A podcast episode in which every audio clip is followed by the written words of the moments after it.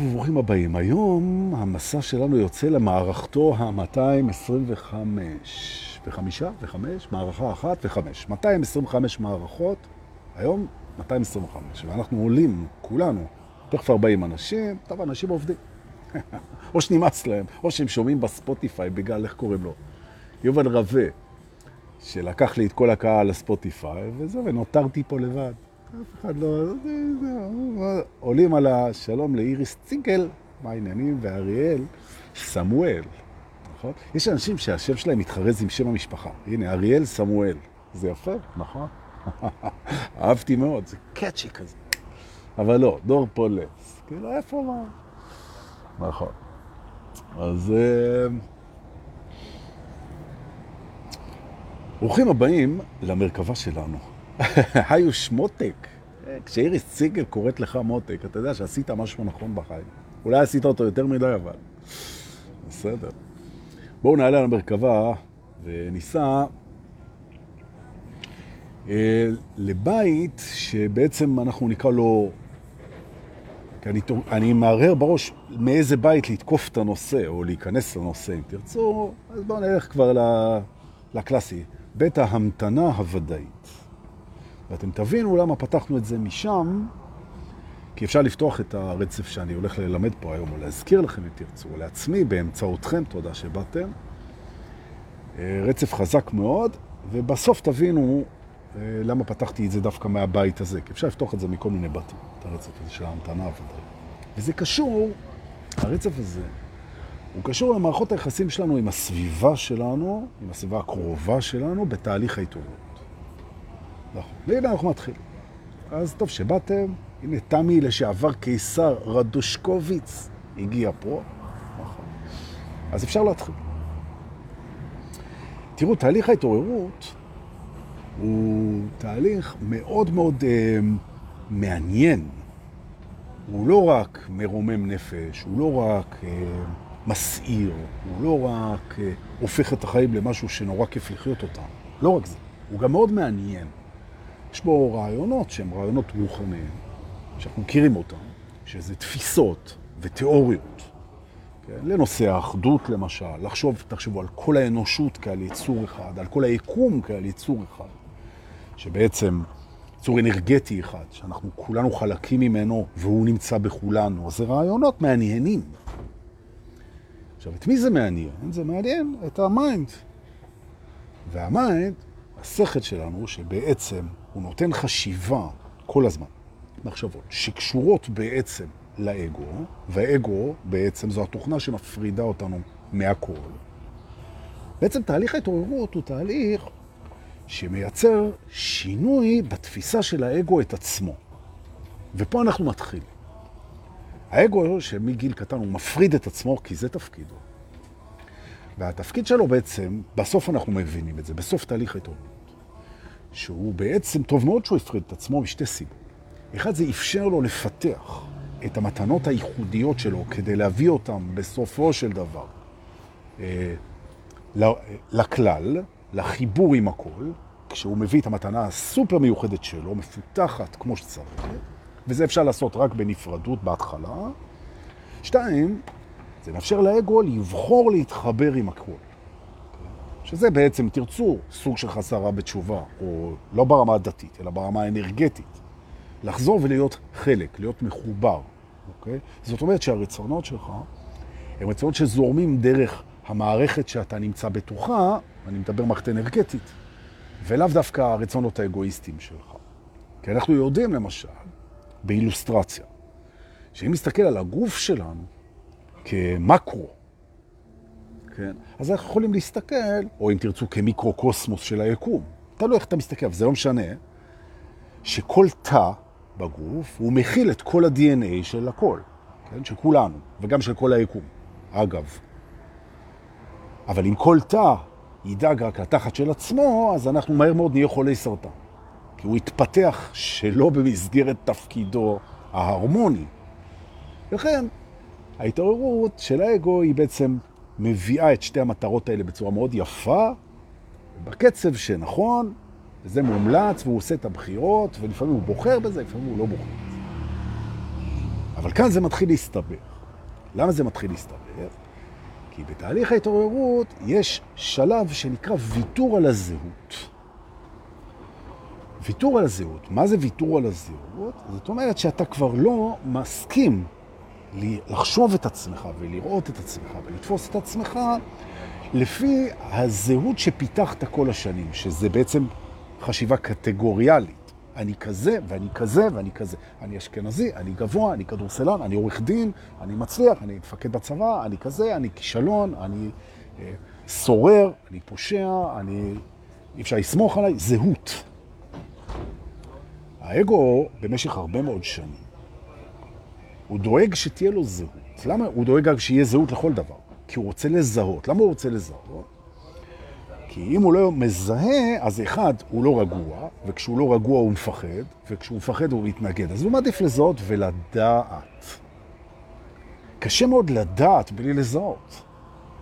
וקשה מאוד להיאחז ולקבל ביטחון בדעת שלך אם אתה יכול לזהות.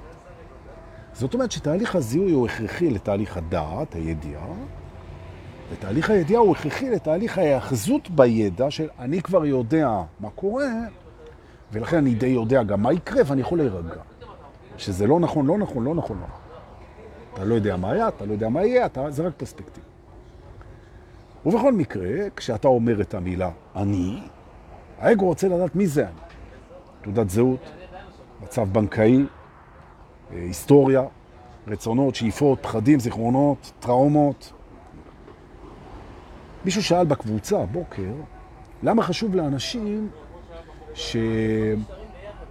שיאשרו את הסבל שלהם, שיזדהו עם הסבל שלהם, שיתמכו באמיתות של הסבל שלהם.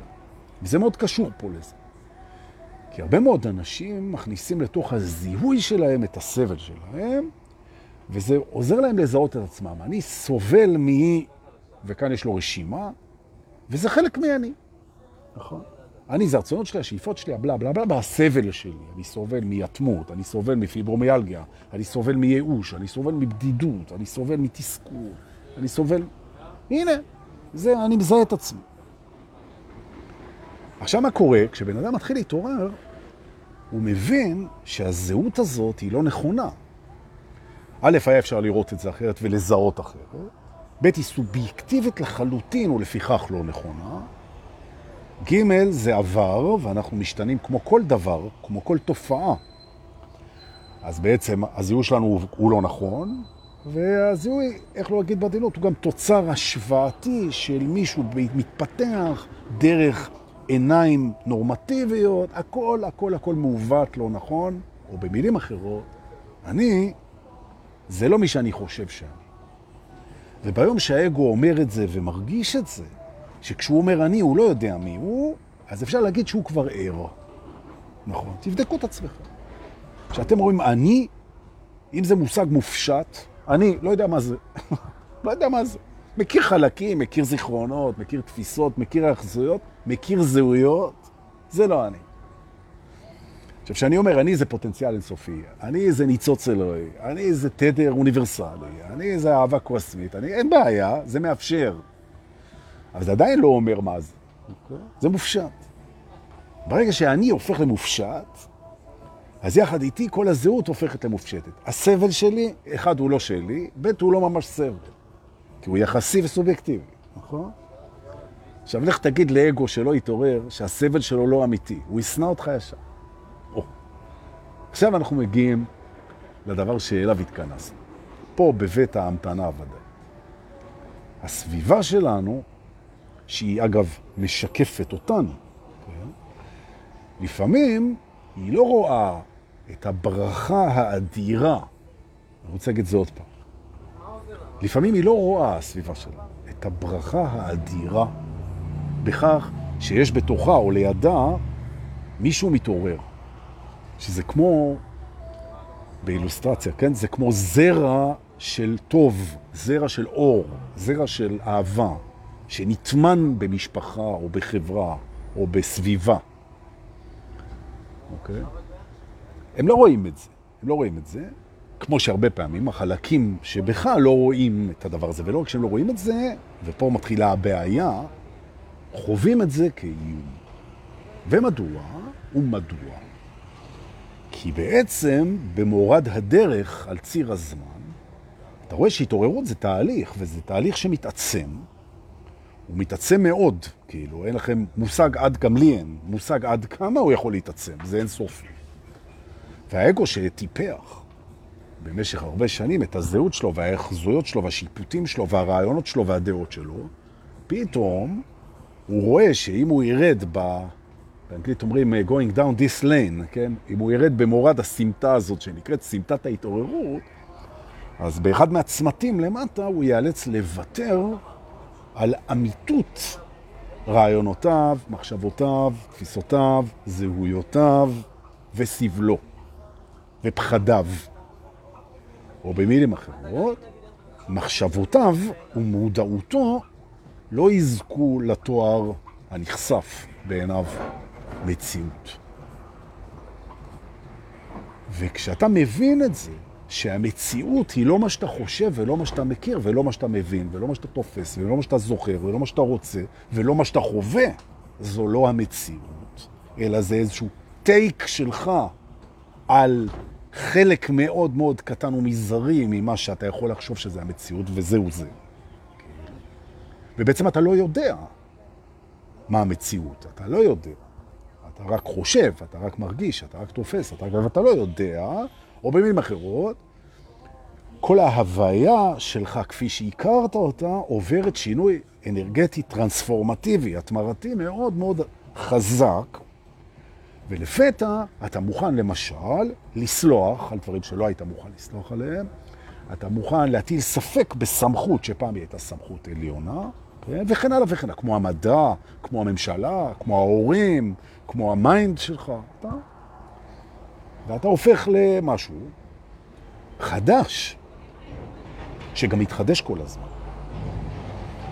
ומה שקורה בסביבה שלך זה שזה מדליק הרבה אורות אדומים אצל אנשים, שהם עדיין, וזה גם חלקים שבך, שאותם הם משקפים, הם עדיין אחוזים בתוך התפיסה הזאת של אני יודע, מה שאני חושב זה נכון, שזה וזה וזה.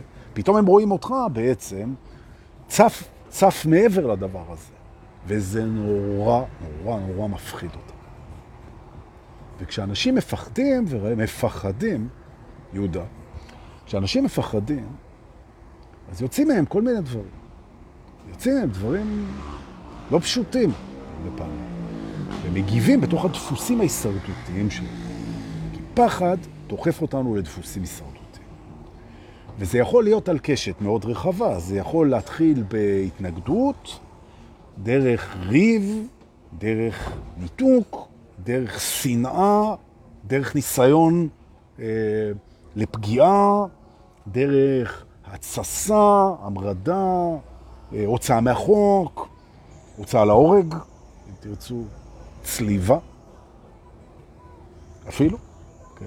במקרה של ישו. נכון. עכשיו, לא רק זה, אלא בעצם האנשים, בגלל שהם לא מודעים, לא מודעים, פתאום הם רואים אותך אחר, הם רואים אותך שמח, הם רואים אותך שלב, הם רואים אותך מכיל, הם רואים אותך מתנשא, הם רואים אותך אמיץ. והאגו יצור השוואתי. כי הוא רוצה למקם את עצמו, הוא רוצה לדעת מה הוא שווה, איפה הוא נמצא.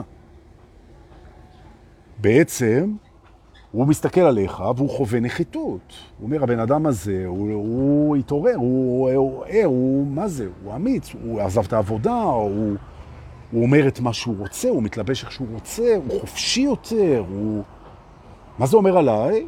שואל האגו בתת מודע, כי אתה לא תתמודד כאגו עם זה במודע, כן? זה אומר שהוא יותר ממני. הוא יותר נועז, הוא יותר חופשי, הוא יותר... האגו עושה את השוואות האלה וחווה תחושת קטנות. תחושה שהוא מאוד שונא. כי זה מזכיר לו שהוא היה ילד ובילדות יש הרבה ביטול, מבטלים אותך כילד, את דעתך, את רצונותיך, את... לא נותנים לך את ה... והאגו קשה לו עם זה, וסוף סוף הוא עשה את הצבא, הוא עשה את התואר, הוא עשה ילדים, הוא עשה משפחה, והוא מחזיק מעצמו עכשיו גדול, ופתאום בא איזה משהו. שהתחבר למשהו שהוא הרבה יותר גדול ממה שאנחנו יכולים להבין בכלל, והוא חווה נחיתות, והוא חווה לחץ. ופתאום האנשים שסביבך הם פוגשים את התפיסה שלך שאומרת, תקשיבו, הדעה שלכם והדעה שלי לגיטימיות, זה גם אם אנחנו לא מסכימים, כי אין דעה נכונה. עכשיו, זה שאתה מוכן לקבל את השונות בדעה, זה משהו שהם לא מוכנים לקבל. כי מבחינת האגו הוא צודק, ואתה אומר לו אין דבר כזה צודק. גם אני לא צודק, אין צודק.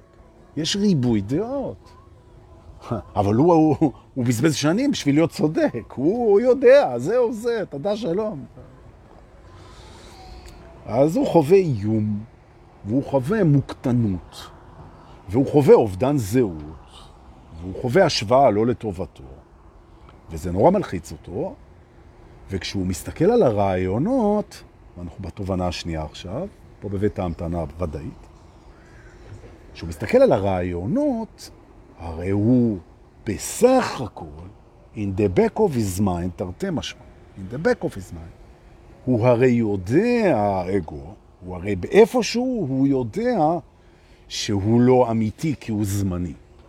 הוא יודע שאמת היא לא משתנה, שזה הדבר היחיד שלא משתנה. הוא יודע את זה. הוא יודע את זה. ולפיכך, מאחר שהוא נולד ומת, כן? והוא אומר, אני חושב משמע אני קיים, והקיום שלו הוא מחשבותיו, והוא לא יחשוב לנצח, אז הוא מבין שהוא לא אמיתי באיזשהו מקום. והמחשבה הזאת שהוא לא אמיתי, הוא חווה אותה כאיום קיומי. אם אני קולט שאני לא אמיתי, אז זה אומר שאני מת. אם אני לא אמיתי, אני אינני, אני מת, הוא חווה את זה. עכשיו, שהוא פוגש אותך ואתה מתעורר, וזה דבר שמתעוררים צריכים להבין. לפעמים אנשים חווים, מתעוררים כאיום על החיים שלהם. עד כדי כך. כי האגו מתרגם את ההפרדה בין אמת לשקר כדבר שמחסל את חייו.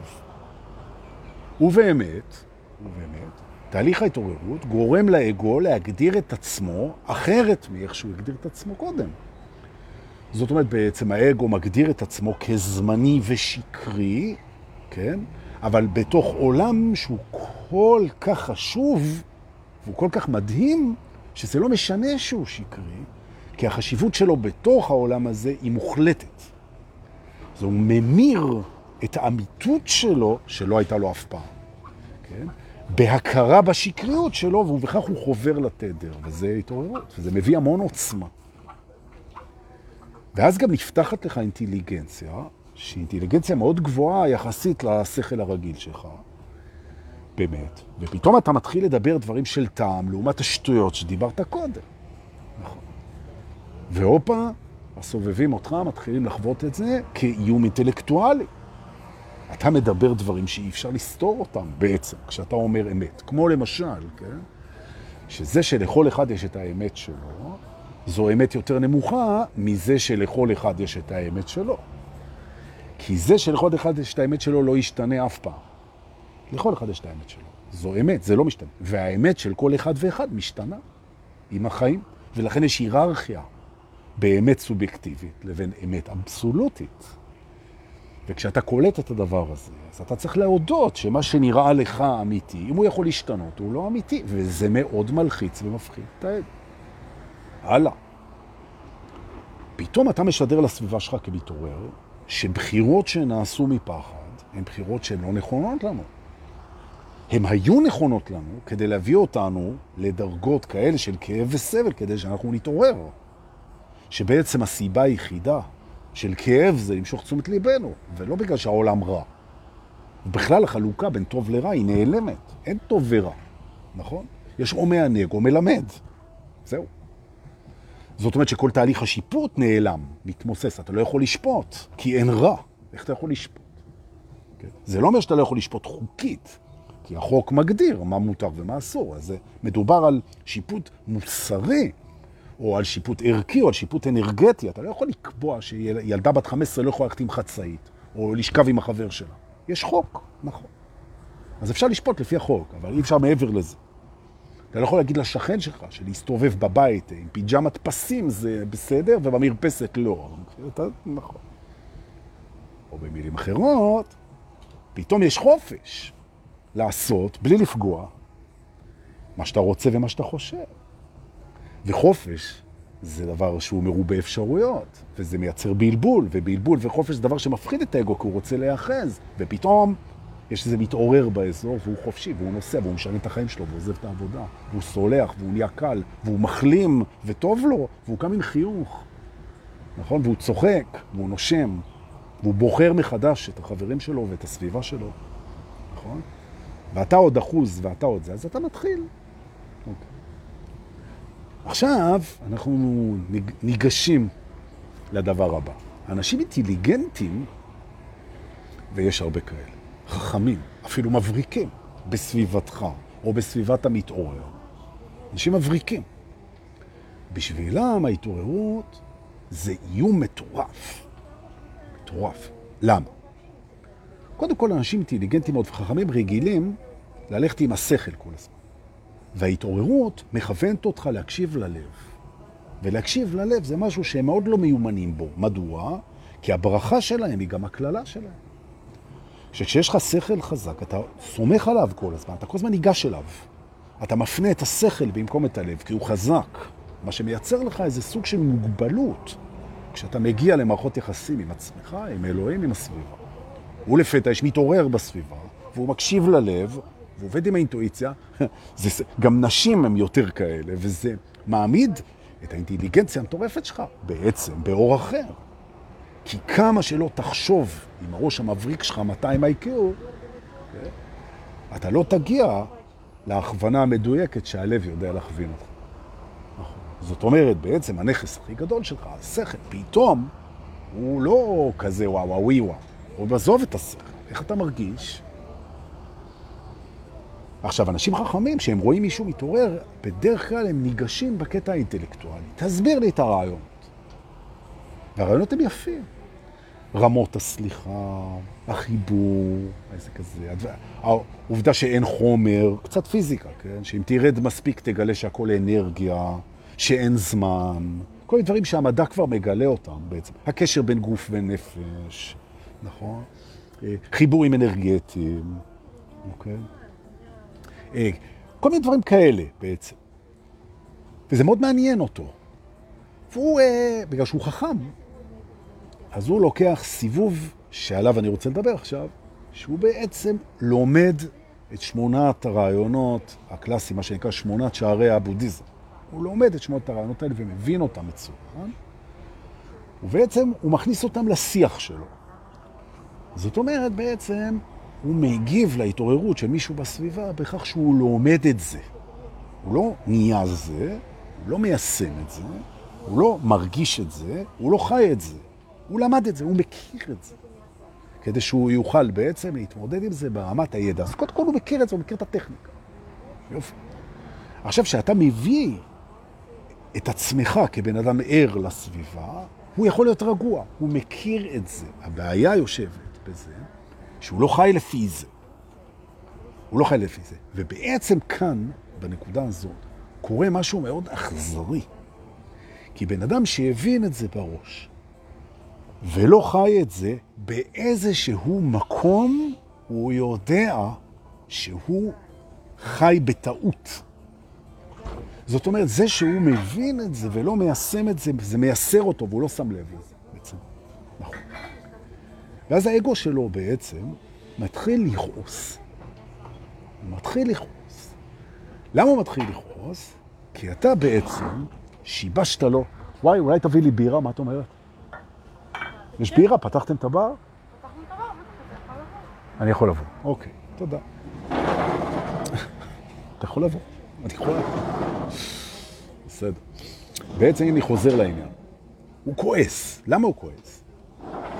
כי המפגש איתך משקף לו את זה שהוא חי בעצם, הוא חי בעצם אחרת מאיך שהוא יודע שאפשר לחיות.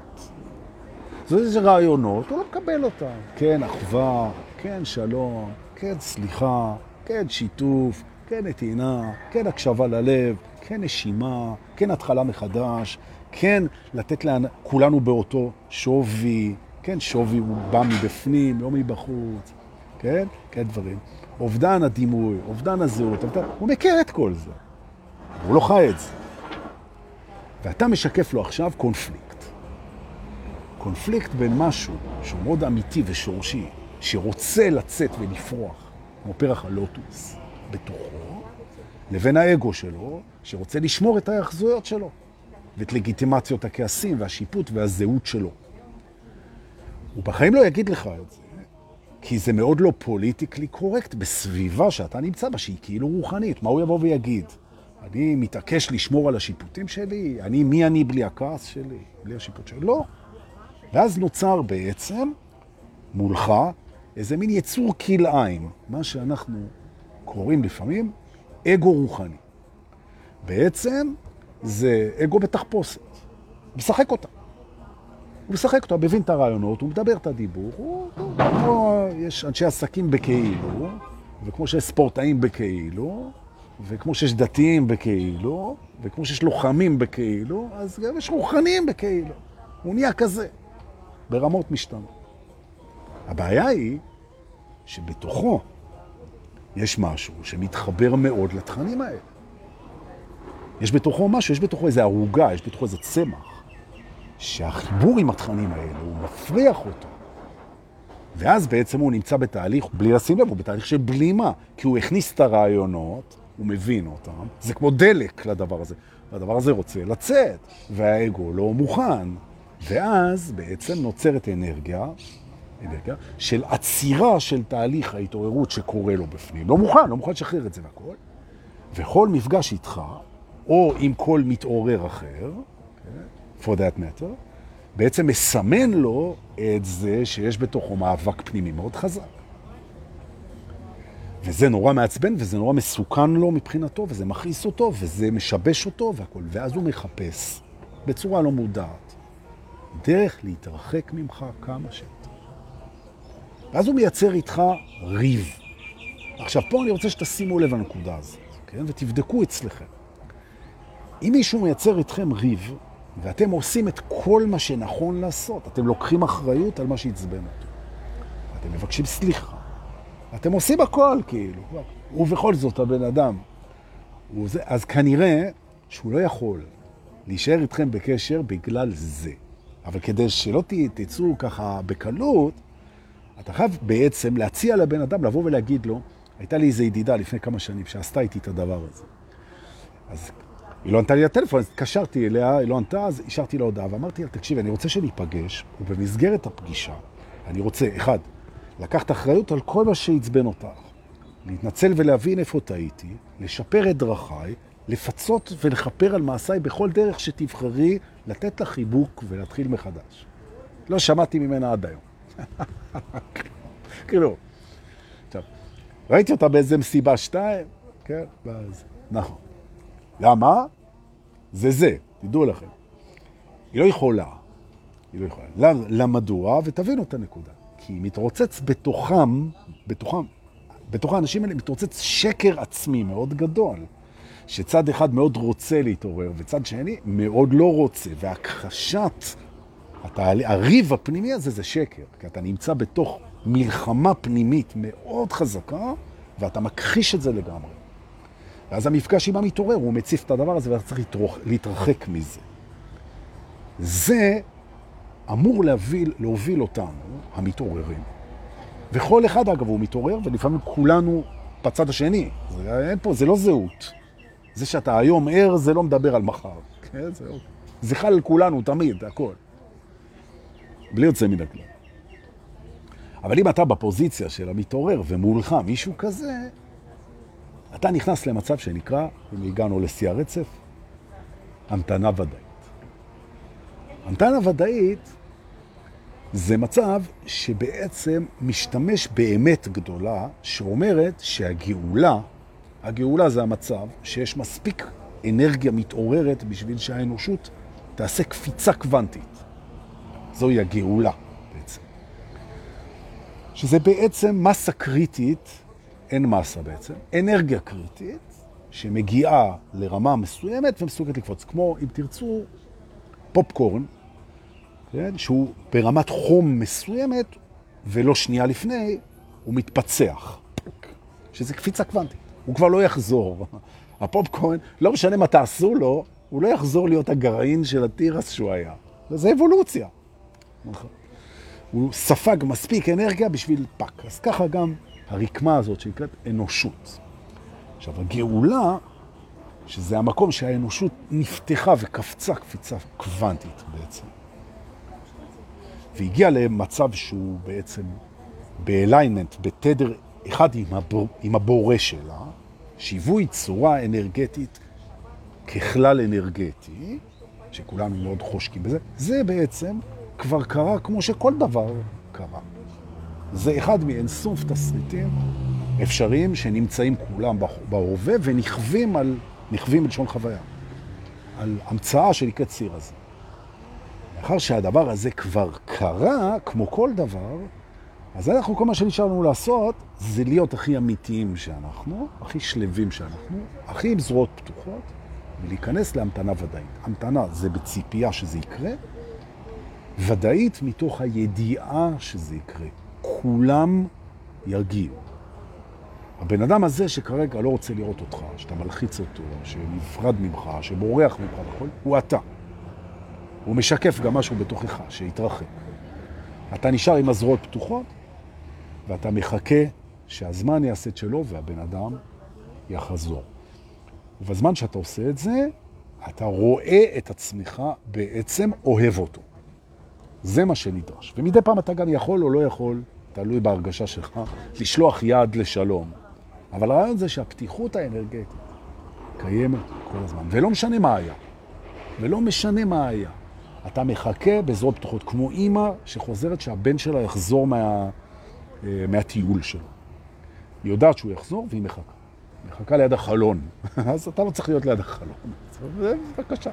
חושבת ליד הבריכה. זה יקרה. כולם מגיעים, כולם חוזרים, כולם מתאחדים, וזה בסדר. עכשיו לגבי המתנה ודאית, אני רוצה להסביר משהו.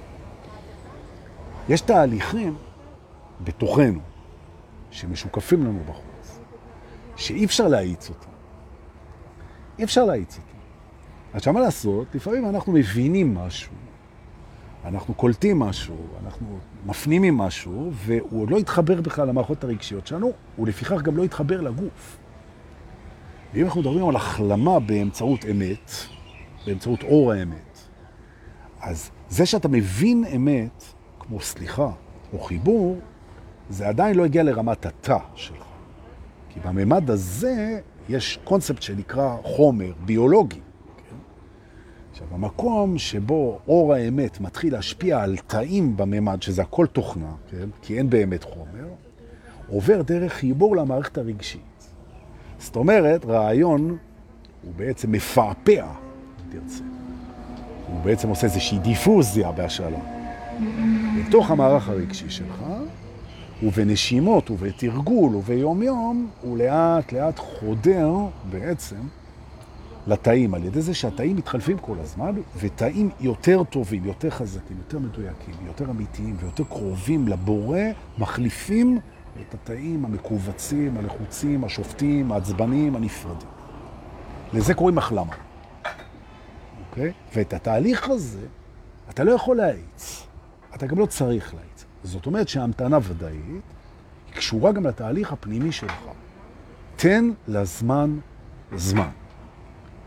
תן לריפוי זמן. תן לתהליכים זמן. לא ללחוץ.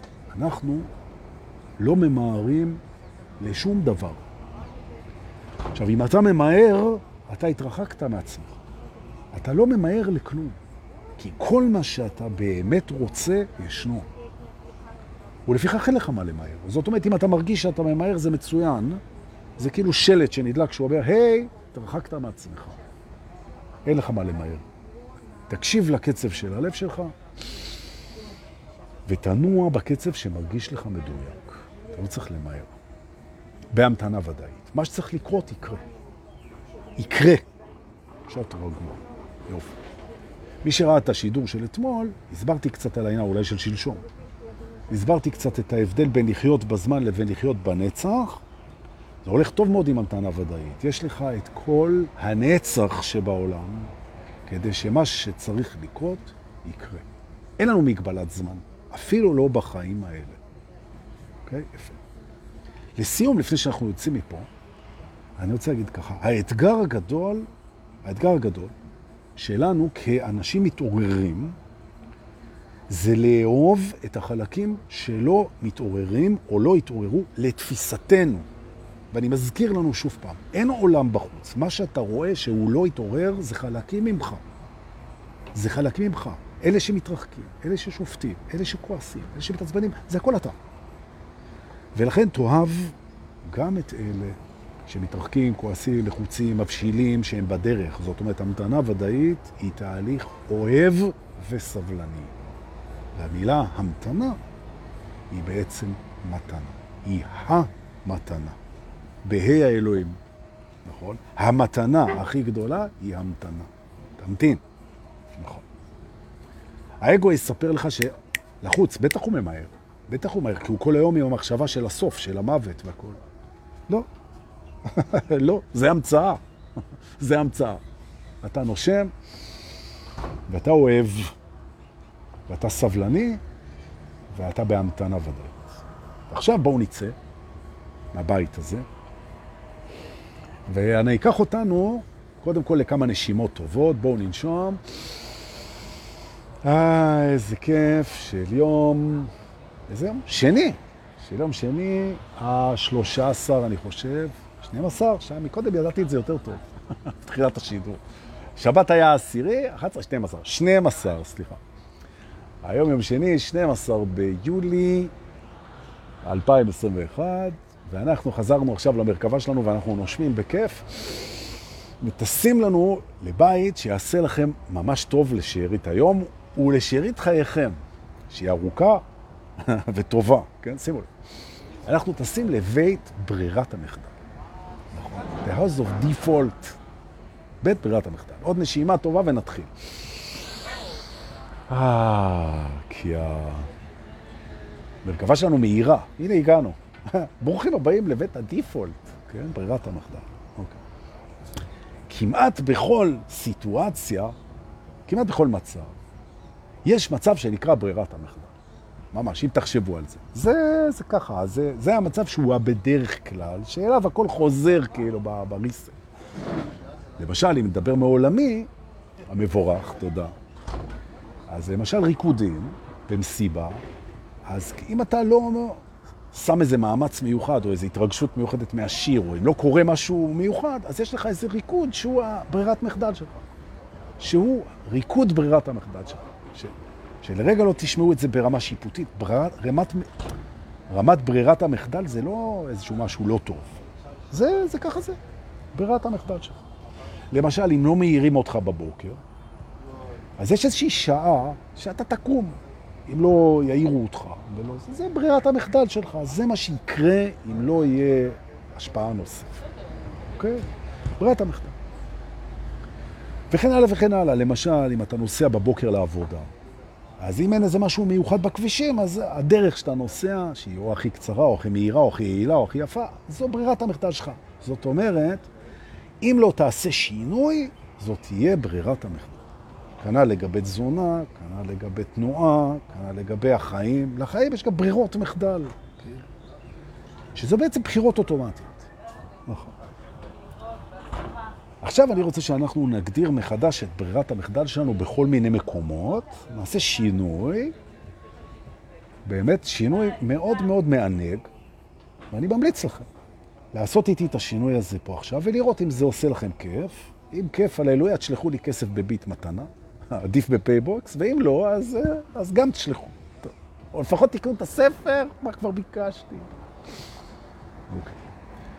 ברירת המחדל הראשונה שלנו היא ברירת המחדל שקשורה למחשבות. בעצם, יש לנו מחשבות ברירות מחדל, שכאילו אם אנחנו לא חושבים על שום דבר ספציפי, אז על מה אנחנו חושבים? יש כאלה שחושבים על סקס, יש כאלה שחושבים על הצלחה, חושבים על אה, האהובה שלהם. כאלה שחושבים על מה הם יאכלו בארוחת הערב, ברירות מחדל מחשבתיות. אני רוצה להציע לכם התייחסות אחרת למחשב. בואו נחלק רגע את המחשבות שלנו לכמה קבוצות מרכזיות, כדי שנדע להגדיר אותה. זו כמובן הגדרה סינתטית, לא חייבים.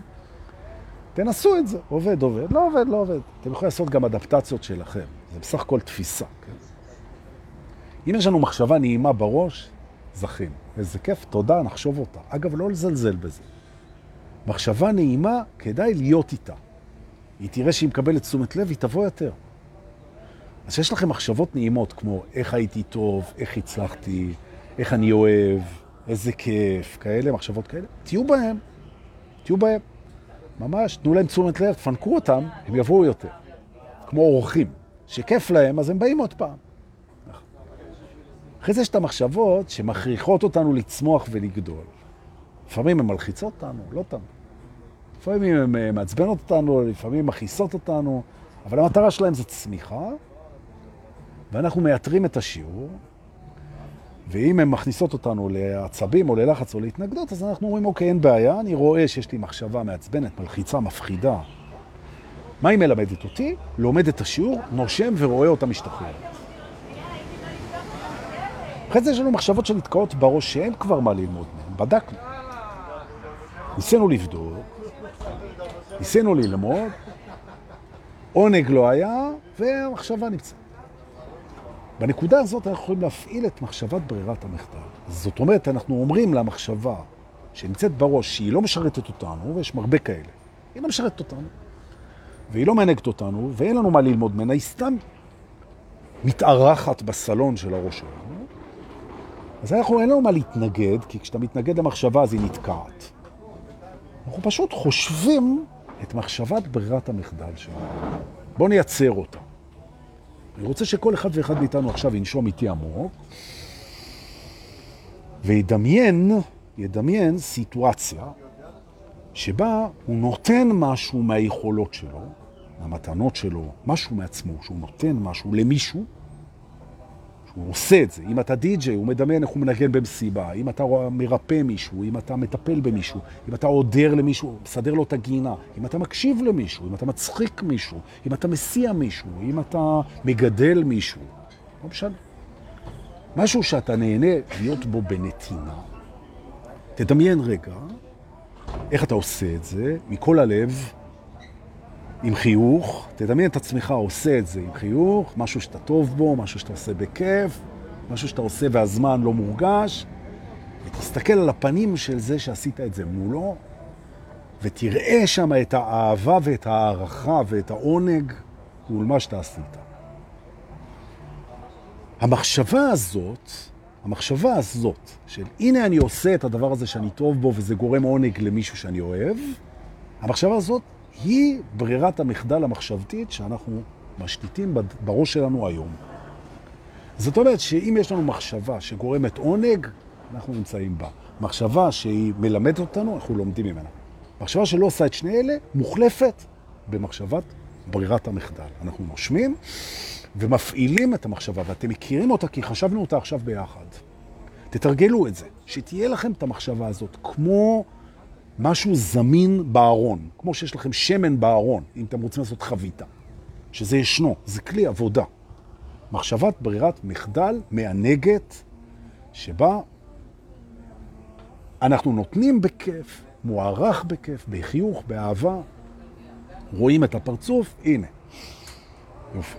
ידעו להן המחשבות, שעכשיו מחשבה שתיתקע בראש, שהיא לא מלמדת ולא מענגת, תוחלף בברירת המחדל. זהו. זאת אומרת שיהיה לכם בראש או ברירת מחדל, או עונג או שיעור. זהו. ברירת מחדל, יופי. שמנו בארון שכתוב עליו ברירות המחדל של דורקה, נכון? אבל דורקה, למה אתה לוקח על זה קרדיט? כי זה כיף. זה האגו שלי רוצה, אז יאללה, אני נותן לו. זה לא פוגע באף ואם זה פוגע במישהו, אז זה האגו שלו, אז שיקפוץ לי. נכון. יופי. הלאה.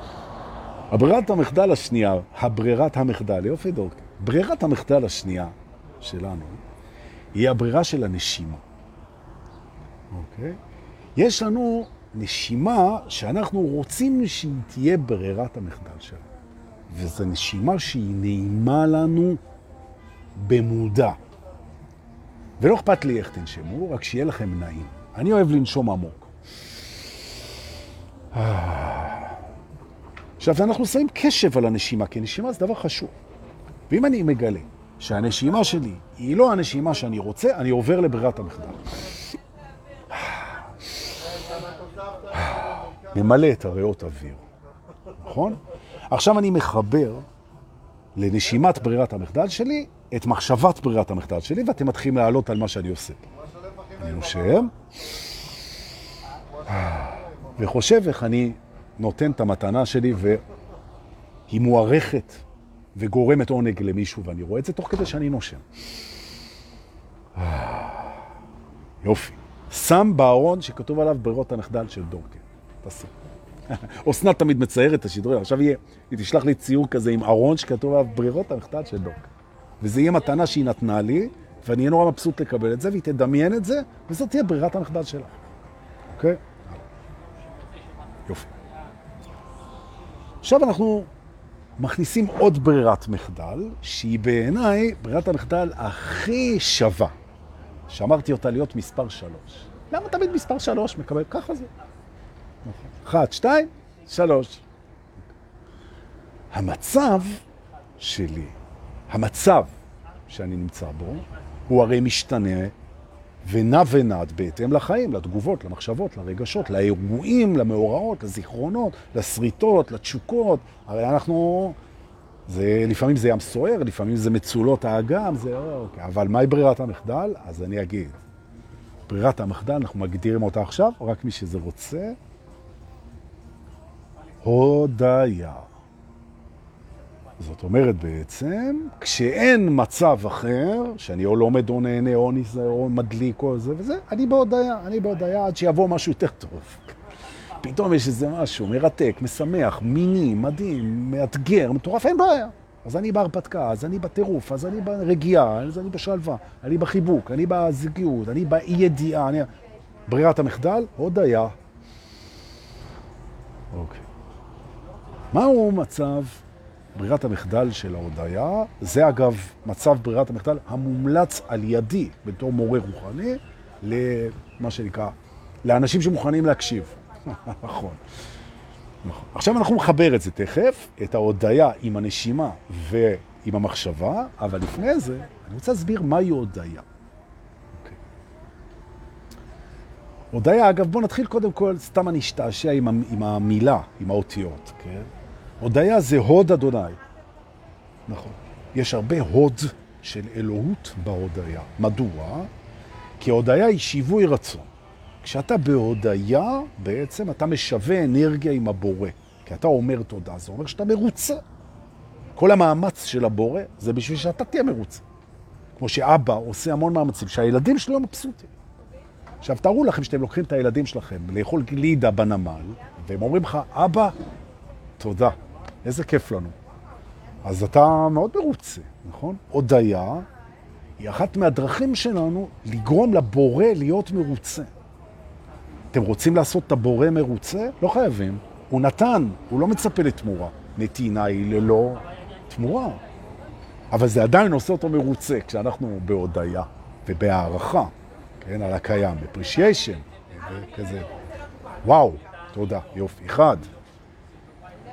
שתיים, כשאנחנו בהודיה, קל לנו לחייך. המילה תודה הולכת טוב עם חיוך. נכון. אגב, כשאנחנו מחייכים, יותר קל לנו לנשום. ונשימה של ברירת המחדל, זה מה שאנחנו לומדים פה היום. אז אם אני עושה במחשבה שלי את מחשבת ברירת המחדל, הנה אני נותן את מתנותיי למי שאני אוהב, והוא מעריך את זה ואומר תודה, הוא משקף לי את התודה שאני נמצא בה, ואני אומר תודה ומחייך, ואני נושם, וזו ברירת המחדל שלי. זאת אומרת, אם אין משהו אחר, זה מה שאני עושה. ורוב הזמן אין משהו אחר. כן? אוקיי. ההודיה, ההודיה. כשאתה בהודיה, אתה מחלים. נכון? לגוף וגם לנפש יש יכולת החלמה מטורפת, מדהימה. כל מה שהוא צריך בשביל להחלים בעצם זה להיות מספיק זמן באמת שלו. נכון. מה למשל האמת שלו? האמת שלו זה שהכל בסדר. נכון, הכל בסדר עכשיו. זה לא קשור לרצונות. עכשיו, כמה פעמים מכרו לכם, השכלים, את הטריק הזה, שאם אני רוצה את זה אחרת, אז זה לא בסדר. אני רוצה אישה אחרת, אז האישה הזאת לא טובה. אני רוצה עיר אחרת, אז העיר הזאת לא טובה. אני רוצה חיים אחרים, אז החיים האלה לא טובים. אני רוצה בית אחר, אז הבית הזה לא טוב. וזה לא נכון. לרצות זה מצוין, ולהגיד תודה על מה שיש, זה גם מצוין. עכשיו, זה הגוף, זו הנשימה, אלו המחשבות, וזה החיוך. ברירת המחדל מודה על כל אלו כרגע. אגב, הודיה היא על עכשיו. היא חיבור מדהים לעכשיו. עכשיו, אתה יכול להודות על מה שהיה, אין בעיה, ואתה יכול גם להודות על מה שיהיה, זה בסדר גמור, אין בעיה. אבל אני מדבר איתך על עכשיו. ברירת המחדל שלנו, עבר דור לתובנה הבאה, היא להיות כאן ועכשיו. נכון? עכשיו, אם אני לא חושב על העתיד, וזה בסדר לחשוב על העתיד, אבל לא עסוק בו עכשיו, ואם אני לא חושב על מה שהיה, אז אני פה. זו ברירת המחדל שלי, ואני פה, וזה מה זה כיף.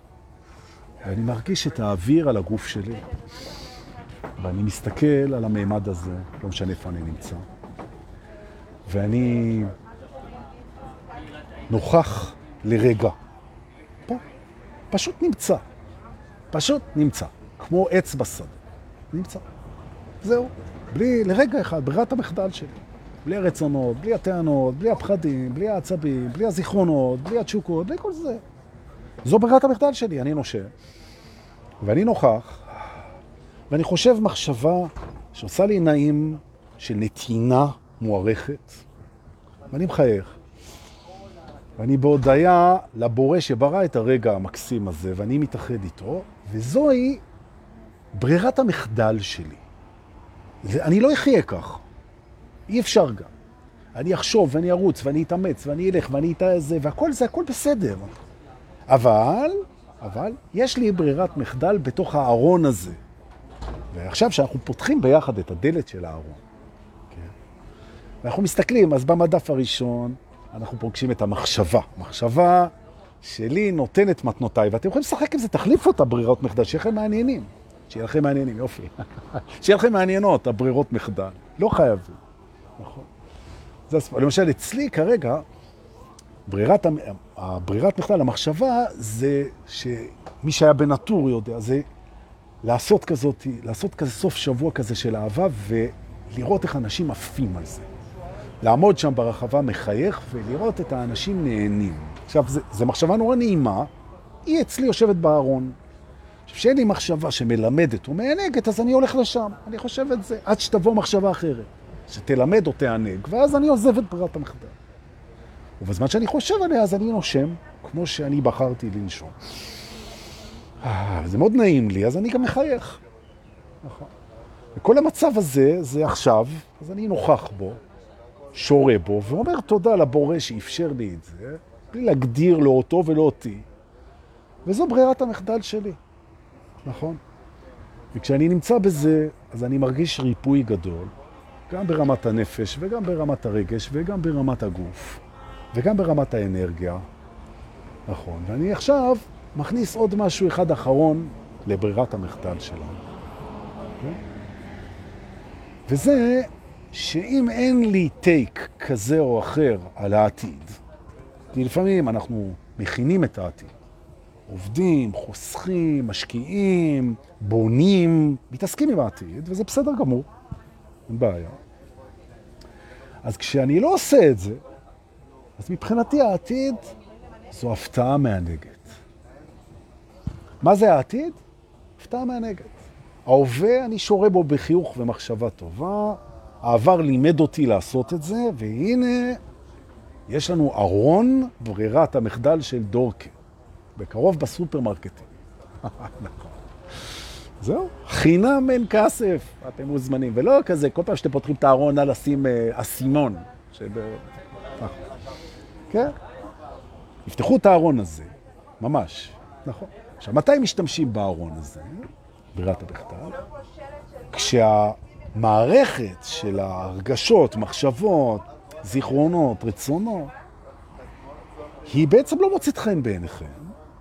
אתם חוקרים אם יש לכם פה משהו ללמוד, כי בדרך כלל כשמשהו לא מוצא חן אז יש פה איזה שיעור, ואם אתם רואים שזה לא מענג וסיימתם את השיעור והסתכלתם, התבוננתם ואין התנגדות, אז תפתחו את הארון ברירת מחדל. ותעברו להיות ברירת המחדל שלך. נכון? זה כיף. עכשיו אני הולך לשתות בירה, זה חלק מברירת המחדל של הקלוריות, של ה... זה זמן להגיד שמחר אנחנו נתראה בשבט, אני אבוא לחתום על הספרים, קנו את הספרים, לא תתחרטו, תאמינו לי, תפיצו אותה גם. אפשר לקנות בשלישיות, יש לזה הנחה גם. מאוד מומלץ. בכלל אני אומר, תקנו שלשות ותיתנו את זה מתנה. בואו נפיץ את זה. כל הרווחים של הספרים הולכים להוציא את הספרים הבאים. זהו. זה הכל. אז רוצה להגיד תודה שאתם מפיצים את זה. מי כתב לי? זה לא נכון. שום דבר לא נכון. זה הכל פרספקטיבות. נכון. גם להגיד זה לא נכון, זה לא נכון. אני רוצה להגיד לכם תודה שבאתם היום, זה מאוד כיף שאתם פה, ואנחנו מן הסתם נתראה בלייב הבא. שמרו על עצמכם טוב טוב, תתרגלו את ארון ברירת המחדל, תכתבו לי אם זה עובד לכם, שיהיה לי כיף לדמיין איך אתם פותחים את ברירת המחדל, משתמשים, מבסוטים, ואז זאת תהיה ברירת המחדל שלי, לראות איך אתם משתמשים בארון ברירת המחדל. תודה רבה והמשך יום הענג. אנא שתפו.